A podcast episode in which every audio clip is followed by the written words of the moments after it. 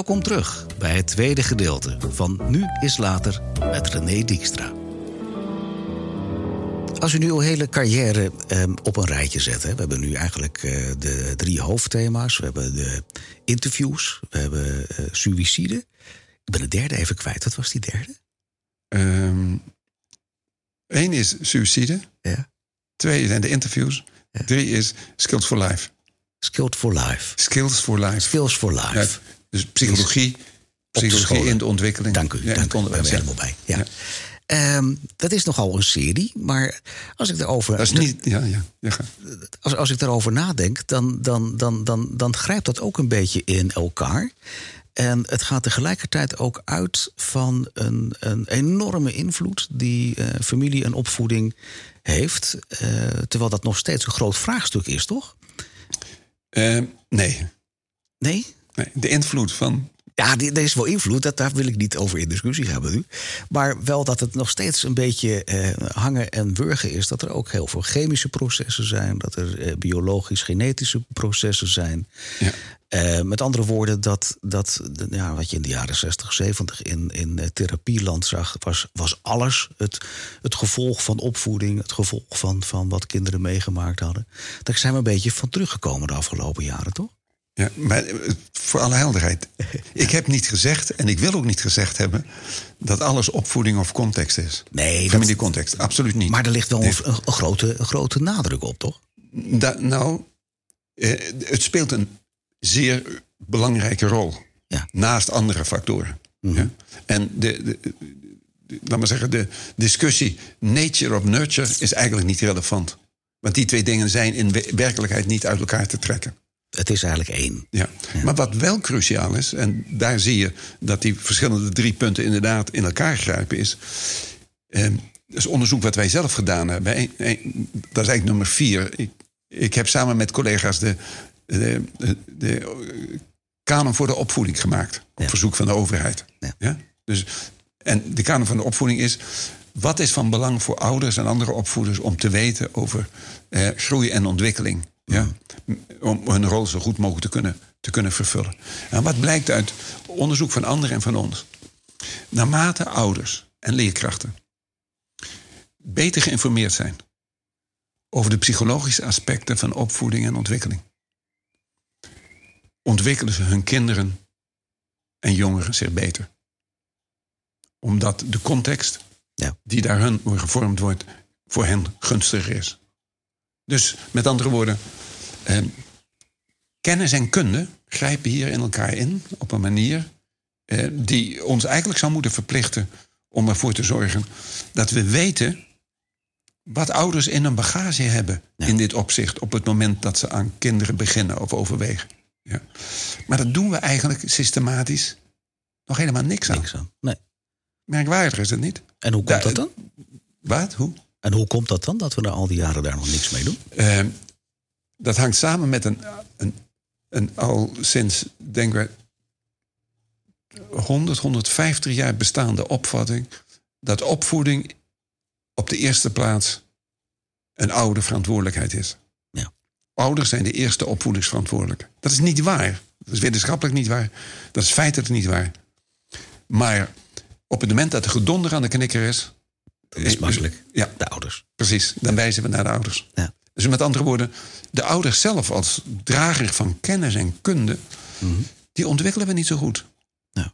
Daar hebben we relatief weinig belangstelling voor. Dat is de reden waarom we, ik voeg dat nog even toe, wij op een gegeven moment ook besloten hebben een opvoedingsapp te maken voor jonge ouders. Ja?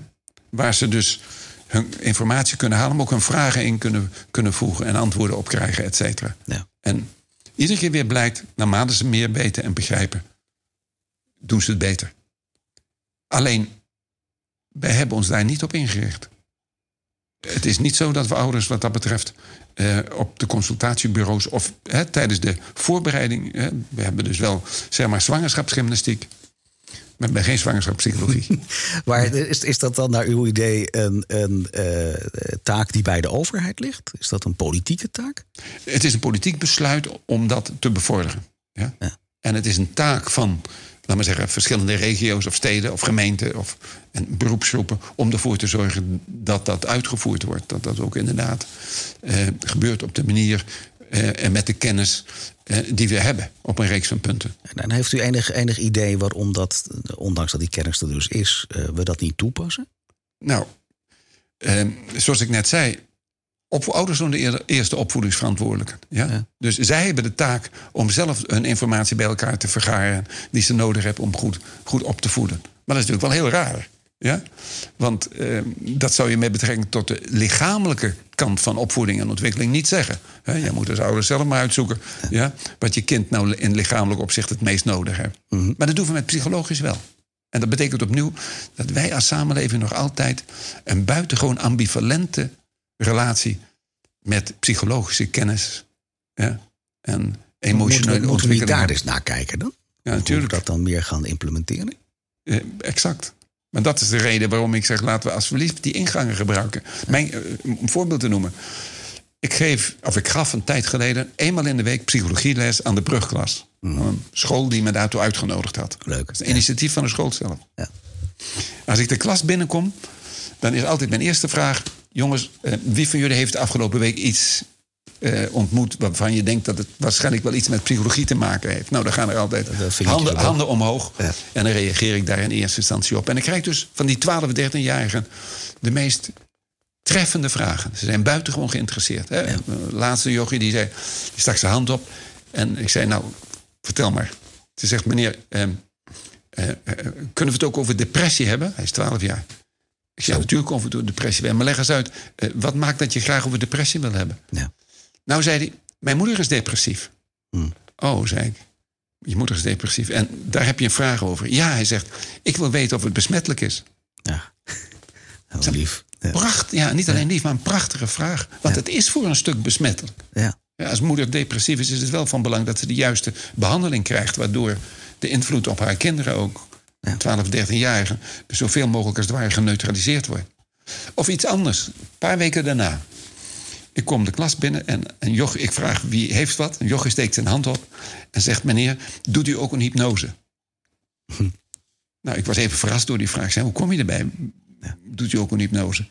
Nou, zei hij: Ik zat van de week aan de televisie met mijn moeder en dan was er een meneer. En die kon, was een hypnotiseur of zoiets noemde hij dat. En die kon een meisje laten zweven. En toen zei mijn moeder: Je moet eens aan die meneer op school vragen of dat ook kan. ja. ja. dus, ik heb, dus ik heb gezegd: Nee, ik. Uh, dat doe ik niet. Ik laat geen meisjes zweven. Maar ik gebruik hypnose wel eens bij de behandeling van mensen die hele ernstige problemen hebben. En ik noem een aantal voorbeelden. Ja. Ik had het nog niet gezegd. Of 22 handjes gingen omhoog. En die begon allemaal te roepen: Meneer, wilt u met ons alsjeblieft ook hypnose doen? daar, daar, heb ik even over na moeten denken. Ja. En toen heb ik gezegd: Oké.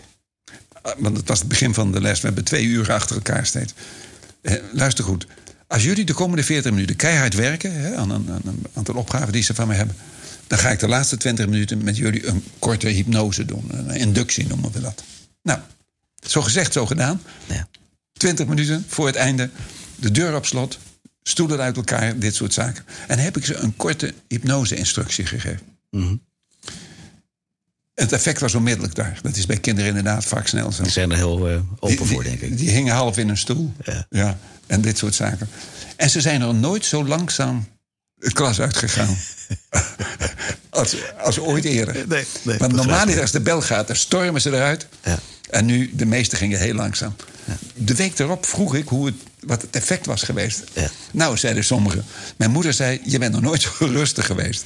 dat was ideaal. Of een ander zei van... Uh, uh, ik ben meteen naar bed gegaan, ik heb drie uur geslapen. En, dat soort zaken. en toen stak er een meisje haar hand op en die zei... meneer, mag ik u wat voor mijn vader vragen? Natuurlijk.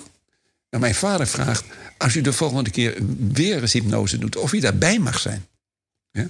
Oké. Ik zei nou, zeg maar tegen mij mag erbij zijn. Is ook een volgende keer daarmee gekomen. Maar wat die kinderen vervolgens deden was... dat ze zelf die hypnose, die simpele hypnose-instructies... dat zijn eigenlijk ontspanningsinstructies die ik ze gaf...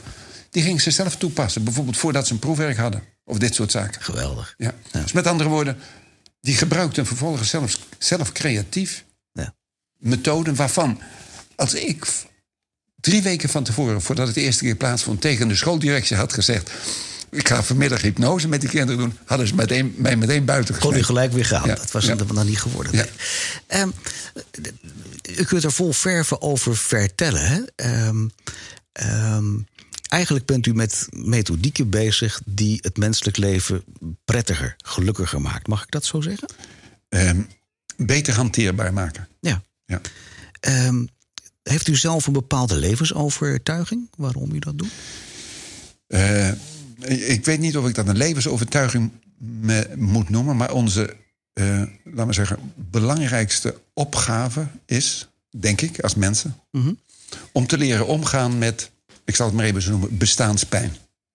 Ja, dat is een, mooie, een mooi woord overigens. Ja. Eh, En, en dat, dat betekent eigenlijk op de eerste plaats met de onvermijdelijkheid van het feit dat wij hier niet blijvend zijn. Dat het een keer over is. Ja. Ja. En dat ook de mensen waarvan je houdt, ja, dat je die op een bepaald moment verliest. Ja. Het betekent ook dat je een opgave, dat je weliswaar de vrijheid hebt om je leven voor een stuk in te vullen zoals je weet. Maar je hebt ook de opdracht om dat te doen. En dat is eh, lang niet altijd even makkelijk. Het, het- het betekent ook dat eh, sommige dingen eh, doe je in eenzaamheid. Je wordt alleen geboren en je sterft alleen. Ja. ja. Het is, echt een bank. En ten derde is, het leven heeft uit zichzelf geen zin voorgeschreven. Die zin moet voor een belangrijke mate stuk gecreëerd, ja? gemaakt, gevonden worden door jou. Mhm. Eh, mijn, Maar, dat, maar dat is al een overtuiging op zich. ja, precies. Mijn, mijn, mijn inzet op al die gebieden is te helpen bij het hanteren van die bestaanspijn. Daar dus zo goed mogelijk antwoorden op, op te vinden. Op manieren die zowel voor jouzelf als voor de mensen om je heen, van, eh, die voor jou of voor anderen van belang zijn, eh, zo goed mogelijk is. En de, de dingen die ik doe, doe ik met in mijn achterhoofd altijd die vier aspecten of dimensies van wat ik maar bestaanspijn zal noemen. Ja. Ja. Maar er zit dus geen religieuze overtuiging achter. Ja, ik weet, ik weet niet of, eh, of dat een religieuze overtuiging is. Dat- ik ben van mening dat eh, het onwaarschijnlijk is dat alles wat hier gebeurt en gecreëerd is, geschapen is, de bijzonderheid daarvan ook van de ingenieusiteit, dat dat zomaar, eh, zeg maar eh, biologisch bij toeval is ontstaan. Ja. Ik kan het eigenlijk best beantwoorden met: ik heb een zeker bestaansvertrouwen naast bestaanspijn.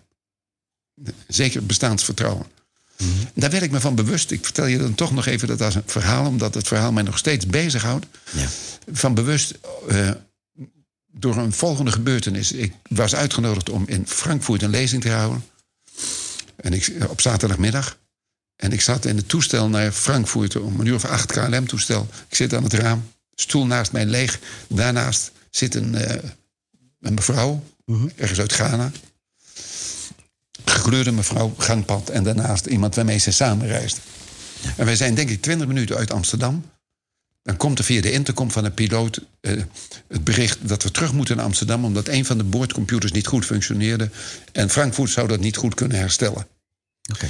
En hij was nog niet uitgesproken of die vrouw naast die lege stoel naast mij duikt naar mij toe en zegt: What did he say? Wat zei hij? En ik leg haar uit. Hij zegt dat we terug moeten naar Amsterdam. En zij duikt naar haar vriendin en ze zegt: Oh, you have to go back to Amsterdam. Heel, bijna panisch. Waarop ze bij mij terugkomt en ze zegt: But do you think we're going to make it back to Amsterdam? Nou, daar moest ik even over nadenken. Ja? En, en toen zei ik: I don't know, but he, de pilot, says so. Ja. Waarop ze naar haar vriendin die boodschap doorbrengt. En vrijwel meteen komt ze bij mij terug en st- stelt ze de hamvraag. Ze zegt, but do you trust the pilot? En daar moest ik echt even over nadenken. Do you trust the pilot? En toen heb ik uiteindelijk gezegd... Madam, I decide to trust the pilot. En zij dook naar haar vriendin toe en ik hoorde haar zeggen... He decides to trust the pilot. En op de terugvlucht naar Amsterdam... Ja. heb ik hun een aantal keer horen herhalen... We decide to trust the pilot. Toen ik er later over nadacht, dacht ik... ja, zo wil ik of sta ik in het leven. I decide to trust the pilot. Ergens ja, is iets aan de gang. Ja, wat ik maar de pilot noem.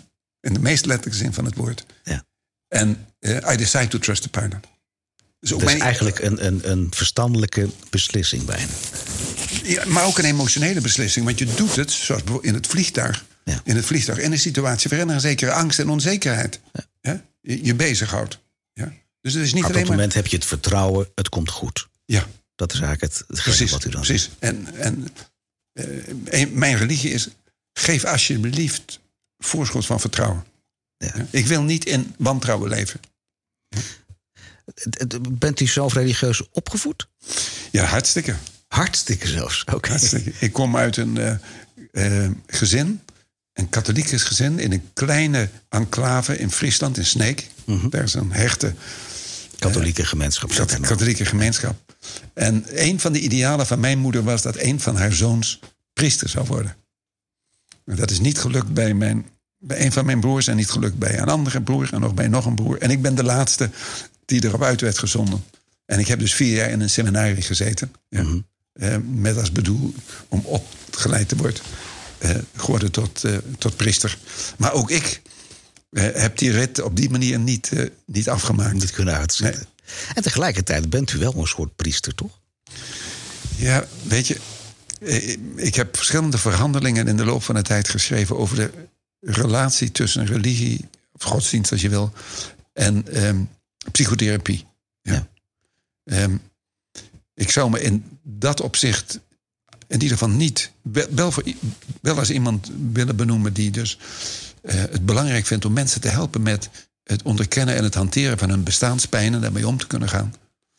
Maar priester in de zin van eh, dat ik mezelf beschouw als een soort van bemiddelaar tussen een hogere macht, daar ginds tussen de wolken. Ja? En hier op het onderaardse. En die daar allerlei zeg maar, rituelen voor heeft om dat op een of andere manier ehm, eh, te doen geloven. Ja? Ja. Eh, eh, voor, voor een stuk als het ware in te prenten. Ja, zo'n priester ben ik niet. Nee. Maar als priester verder betekent dat ik op bepaalde momenten het van belang vind. Ja, om me- mensen te helpen met, met nieuwe inzichten, met de nieuwe manieren van met zichzelf Ja. communiceren. Dat bedoelde ik. Ja. Dan denk ik dat dat. Dan is het antwoord ja. Ja. Ja. U, u loopt toch al heel veel jaren mee.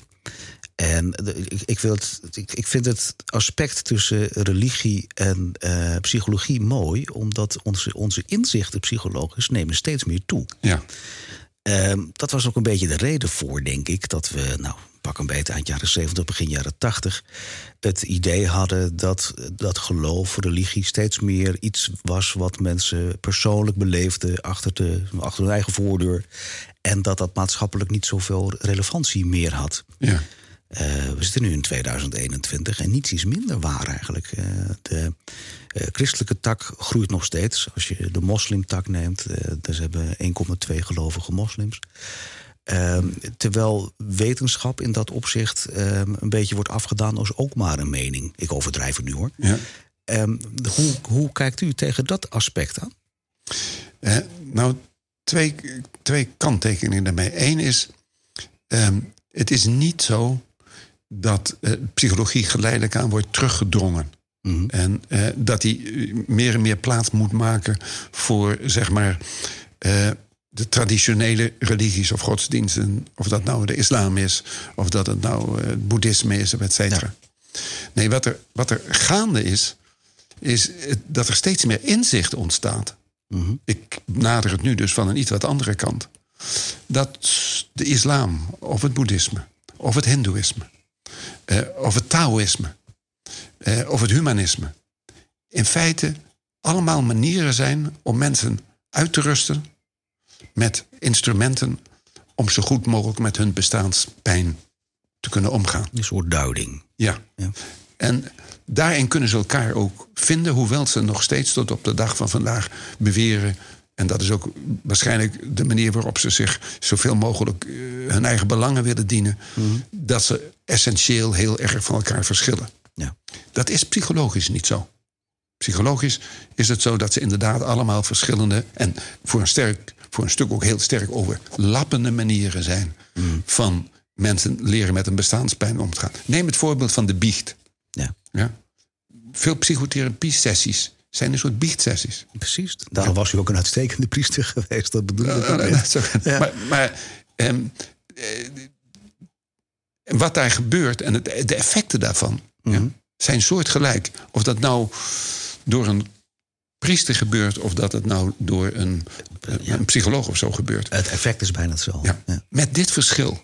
Dat er sommige mensen in de biechtstoel terechtkwamen. Die leden onder dingen. Waarop in feite eh, er veel kennis voorhanden was. Wat je zou kunnen doen om die bestaanspijn te ledigen. Veel kennis, veel wetenschappelijke kennis. Maar die werd onvoldoende gebruikt. Ja. Want wetenschap is niet zomaar een mening. Nee. Eh, tegelijkertijd eh, geldt dat voor sommige wetenschappers het nog altijd vloeken in de kerk is als je zegt dat een aantal religies dingen hebben uitgevonden, Mhm.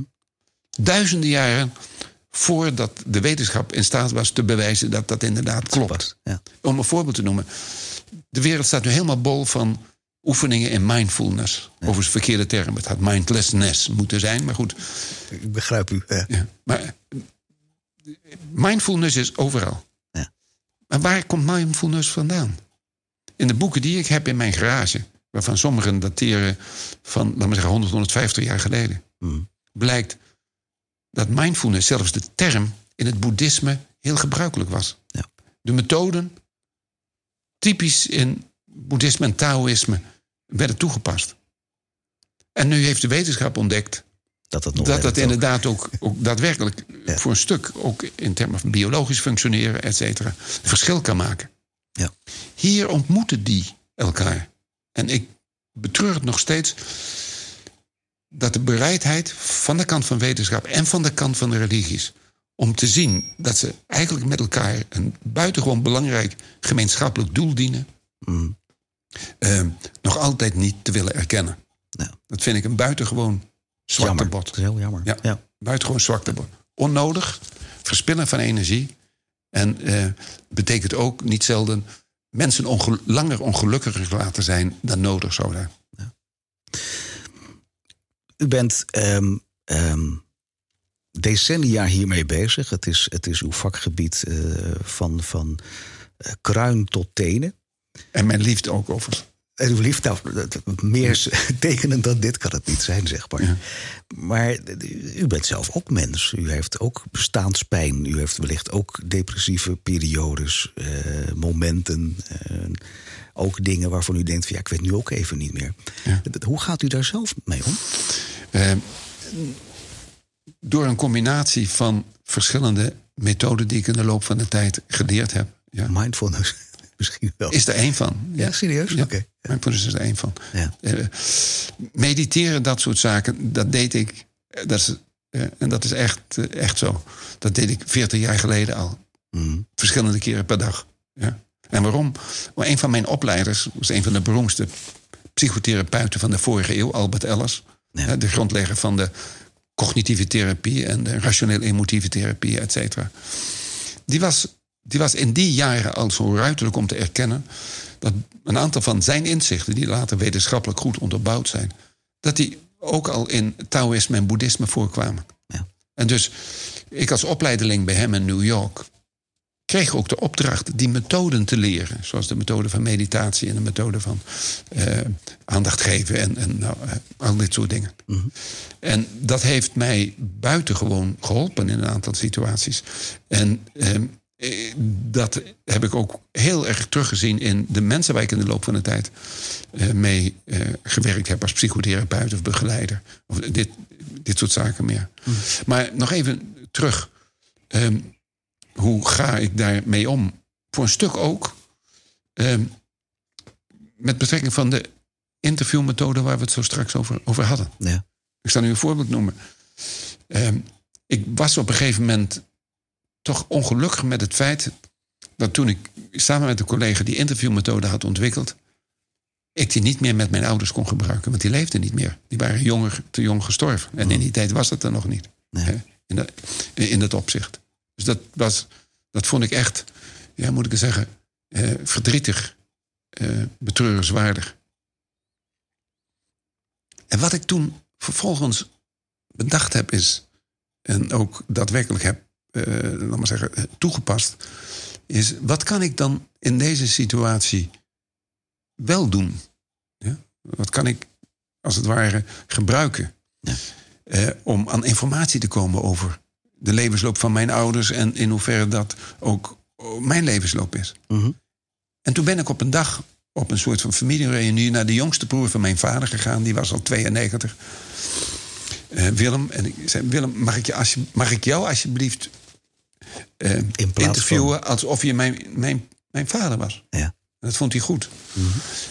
En daaruit kwam naar voren ehm, dat mijn vader iemand was, zoals hij hem beschreef, die buitengewoon actief was. Die maandenlang werkelijk met zijn energie kon smijten wat je wilde. Die dag en nacht op was. Die nooit rust nam. Ehm, en dan opeens, zomaar van het ene op het andere moment, in elkaar klapte. En in een diepe depressie terecht kwam. Waarbij, zoals Willem mij vertelde, er met hem geen land te viel. was. Ja. En hij beschreef mij die symptomen. En ik herkende als kind mijn vader op bepaalde momenten waar ik bang voor was. Want dan zat hij in een depressie. Of waar mijn broer en mijn zussen bang voor was. Ja. Met die informatie teruggaan naar huis realiseerde ik me opeens dat als mijn vader een diagnose had gekregen vanuit de psychologie, dan was dat bipolaire stoornis geweest. ja. En ik realiseerde me dat ik ook in zekere mate de neiging tot bipolariteit heb. Mhm. En als ik niet in dezelfde situatie wil terechtkomen als mijn vader, dat ik mijn beschermingsmaatregelen moet nemen in het opzicht. Ja. En dat heb ik ook gedaan. En dat werkte, het functioneerde. Ja, en dat, en dat functioneert ook heel duidelijk. Daarin zag ik het belang van de levensloop van je ouders en het kenmerk van je ouders te kennen. Ja. En, je- en jezelf de vraag te beantwoorden: wat kun jij daar voor jouw leven en dus ook voor het leven van mijn kinderen of mijn partner, et cetera, eh, uit, eh, voor conclusies uit, uittrekken? Maar d- dan zou je toch ook mogen, mogen concluderen. de- de- we zijn wel een beetje bekend met de DSM-4, tegenwoordig DSM-5. Ehm, het handboek van Ja. psychologen en psychiaters. Ehm, dat dat voor iedereen geldt. Dat, dat, dat eigenlijk het ook afhankelijk van de situatie van je, van je genetische afkomst is. of bepaalde problemen zich manifesteren of niet. Ja, Maar dat geldt voor u en voor mij, voor Ja. iedereen, denk ik. ja dat klopt. Ja, dat is ook zo. Eh, het is natuurlijk niet alleen je genetische uitrusting, maar het is de context en genetische uitrusting Precies, in het opzicht. En de kennis, de mate van bewustzijn die jou bij, daarbij wordt geschonken. Want dat wordt vaak. Dat ja, maar dat vind ik wel een heel interessant aspect. Wat, wat, ik, wat ik nu met u sprekende eh, naar voren komt, is dat er al zoveel kennis is. En ik vind het heel interessant om te zeggen van joh, waarom doen we daar niet meer mee? Ja. Waarom, waarom brengen we dat niet naar de jeugd, maar ook, ook eh, ja, op, op, op andere wijze maatschappelijk onder de aandacht? Dat daarmee, ja, naar mijn idee, ook heel veel leed te voorkomen zou, zou zijn. Ja, inderdaad. Maar, eh, maar onthoud dat ehm, wetenschappers. Oh nee, ik moet anders beginnen. Dat sommige groepen van wetenschappers, andere wetenschappers, die ook de kennis onder het volk willen verspreiden, Ja. met een zekere dédain, met een zekere minachting aankijken. Ja? En daar ook motieven aan toeschrijven die niet altijd aardig zijn. In de zin van, eh, hij of zij moet weer zo nodig Ja, precies. zijn gezicht Ja, laten zien. Zijn eigen ego moet gestreeld worden, dat soort opmerkingen. Dat is zeer ten onrechte. Ja. Maar, en, en wij richten de gezondheidszorg daar niet op in. Dat wordt iets beter. Maar er zou natuurlijk net zo iemand als een huisarts moeten zijn voor psychologische kwesties. Waar je zo naartoe kunt lopen. Ja. Ja? Wij wat dingen zo kunnen. Ja. Ehm, misschien een hele rare vraag, maar doet u ook nog leuke dingen? Nou, de dingen die ik heb beschreven vind ik zelf hartstikke leuk. Ja, maar als je dit luistert als, als, als podcastluisteraar, het is wel, is wel heftige, heftige kost hoor. En dan zit ik te denken van, goh, Ja, ik- ik ook denk- wel eens tennissen? Of gaat, gaat hij ook wel eens lachen? Is het ook wel eens een keer leuk? Ja, A, het is A, vaak leuk. Oh, gelukkig. Ja. Maar het werk zelf is vaak zo leuk. Ik vind het fascinerend hoor, daar gaat het niet om. Nee, nee, maar, nee, maar laat me even uitleggen. Dat het werk zelf is vaak zo. Ik moet iedere week... Nee, moet niet iedere week. Ik schrijf iedere week al 40 jaar eh, column. Ja. En vaak... Ik moet hem op vrijdag inleveren. Vaak op maandag begint zich een eerste idee te vormen... waar ik het over ga hebben. En dan stoot ik regelmatig op dingen... waarvan ik denk, jezus, dat, dat doorzie ik niet goed. Hoe krijg ik dat nou goed in greep? Hoe kan ik het nou zo neerzetten... en van voorbeelden voorzien dat het klopt? En dan op donderdag schrijf ik mijn eerste versie. Ja. En op vrijdagmorgen dan bekijk ik die eerste versie... kom ik tot de conclusie, bagger. Ja, ik kan helemaal overnieuw. Weer opnieuw, helemaal overnieuw. Ja. En dat doe ik dan ook. Ja. En dan of vrijdagavond of zaterdag, meestal zaterdagochtend... want ik moet er vaak een nacht over slapen... Mhm. dan is het op zijn plaats gevallen. En dan schrijf ik het op en dan stuur ik het weg. En dan heb ik een soort van joy-moment. Ja? Dus voor mij is inzicht, doorzicht... Ja? in grotere of kleinere Daar word je dingen... heel gelukkig van, blijkbaar. Daar word ik buitengewoon... Precies. Ja. Daar word ik buitengewoon gelukkig van. Dat heb ik ook met mijn patiënten. Ja. Dat ik ze op een gegeven moment iets kan uitleggen... eh, kan duidelijk maken of kan helpen inoefenen. Mm. En als dan de munt indaalt... dan heb ik zo'n soortgelijke joy-ervaring. Ja. En dat kan soms ook heel grappig zijn. Omdat ik op bepaalde ogenblikken een verhaal verzin of zij... Ja, waarin precies de kern zit van datgene wat er is. En Een concreet voorbeeld, gisteravond werd dat aan mij gevraagd. Van eh, ja, ik, eh, ik denk dat eh, mijn, eh, eh, mijn vader niet zal, niet zal willen. Ja? En als je niet wil, ja, dan, kan je, dan kan je niks doen. Er gebeurt er niks. Nee. En toen zei ik, nee, nee, nee, dat is helemaal niet waar. Dat is helemaal niet waar. Ehm, dat was een man van de jaren 45 die het had over zijn vader. Ja. Zei, weet je wat, probeer eens de andere weg. En toen vertelde ik eerst het verhaal over een vrouw... die getrouwd is met een psychotherapeut. En die gaat op een dag naar een andere psychotherapeut en zegt... ehm, eh, met mijn man gaat het helemaal niet goed. Ja? Ik denk dat het goed is dat jij hem een tijdje in behandeling neemt.